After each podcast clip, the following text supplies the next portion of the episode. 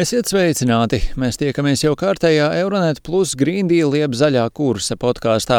Tajā kopā ar kolēģiem no Eiropas aplūkosim to, kā mēs, eiropieši, varam ietekmēt tā dēvēto zaļo pāreju, ko Eiropas Savienība ir uzsākusi. Šodien runāsim par dalīšanos jeb koplietošanu. Maziem bērniem regulāri atgādinām, ka dalīšanās ar lietām nozīmē rūpes. Šķiet, ka šāda filozofija tagad kļūst arvien izplatītāka arī pieaugušo vidū Eiropas Savienībā. Tā dēvētā dalīšanās ekonomika ar savām nomas iespējām ļauj efektīvāk izmantot preces, ietaupīt naudu un samazināt atkritumus. Par to, ka sadarbības ekonomikā ir nākotne, ir pārliecināta Mairī Tīdo, līdzdibinātāja platformai, kas ļauj cilvēkiem tirgoties ar liekajām mantām. Ar Tīdo sarunājās mūsu kolēģis Marts no Igaunijas Kuku radio. Digitāli nodrošinātie pakalpojumi, piemēram, automašīnu koplietošana vai elektrisko skrējriteņu iznomāšana, iespējams ir vispazīstamākais koplietošanas ekonomikas piemērs. Patiešām, automašīnu koplietošana parasti tiek reklamēta kā lielisks veids, kā samazināt siltumnīca efekta gāzu emisijas. Cambio ir automašīnu koplietošanas uzņēmums, kas darbojas vairākās Eiropas Savienības valstīs, tostarp Beļģijā un Vācijā. Mūsu kolēģe Sina, kas strādā Vācijas raidorganizācijā AMS, jautāja uzņēmuma pārstāvim Arnem Frankem par Cambio mērķiem. Viņš paskaidroja, ka schēmas galvenais mērķis ir samazināt mūsu atkarību no automašīnām.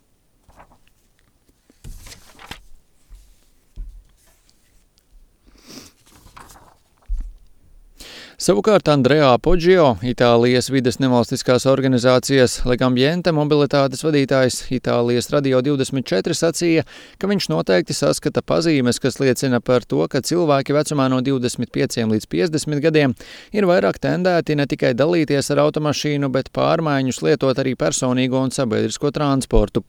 Poggio uzsver, ka automašīnām arī turpmāk būs sava vieta, taču to skaits varētu tikt samazināts. Minot Itālijas piemēru, kur reģistrē reģistrēti 39,5 miljoni automašīnu, vairāk nekā cilvēku ar vadītāja apliecībām, viņš izklāsta savu redzējumu par nākotni.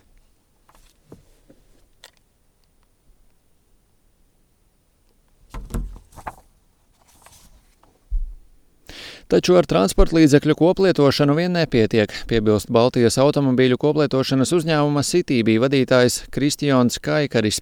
Diskusijā ar Lietuvas kolēģiem no ziņu radies Kaikaris uzsvēra, ka uzņēmumiem šajā jomā ir jāiet tālāk un jānodrošina arvien ilgtspējīgāki transporta līdzekļi, kuru galvenais mērķis ir elektrisko automobīļu parks.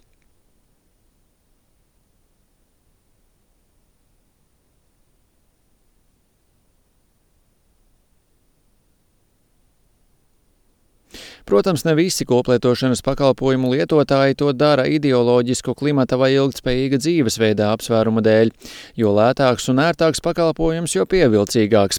Un tas par populāru transporta izvēli ar vien lielākam cilvēku skaitam padara e-skūteri. Par to ir pārliecināts mobilitātes uzņēmuma Bolt direktors Andrijus Pacevičs. Taču, kā viņš stāsta mūsu lietuviešu kolēģiem, pat ja cilvēki izvēlas e-skūteri citu apsvērumu dēļ, viņi tomēr virzās uz ekoloģiskāku dzīvesveidu.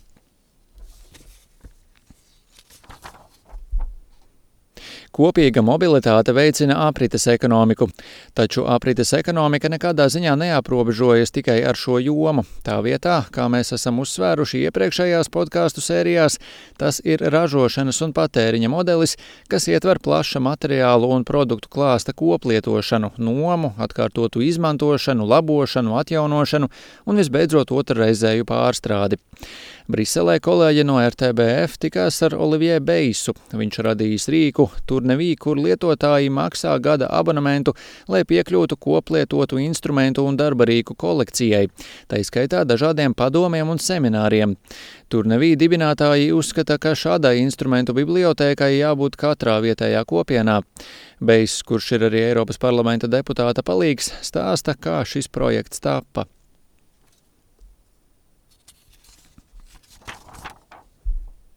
Kolēģi no Beļģijas piedalījās arī jauniešu klimata pasākumā, kurā jaunieši izdomā ilgspējīgus risinājumus visaktuālākajam vietējam klimata izaicinājumam.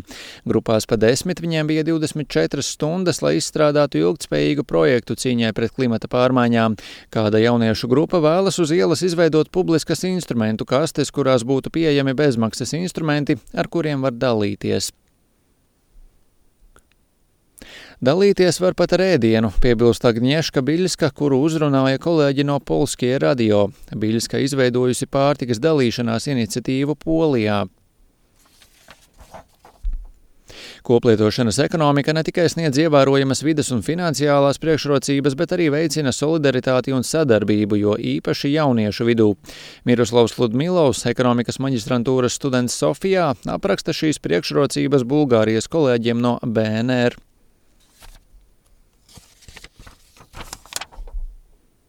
Apzinoties visus šos ieguvumus, Eiropas Savienība meklē veidus, kā vēl vairāk veicināt šāda veida inovatīvu pakalpojumu attīstību, jo īpaši tādu, kas ļauj aizņemties preces.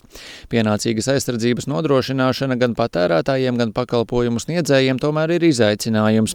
Ne tikai tāpēc, ka šis pakalpojumu modelis prasa radikālas izmaiņas juridiskajā un ekonomiskajā domāšanā.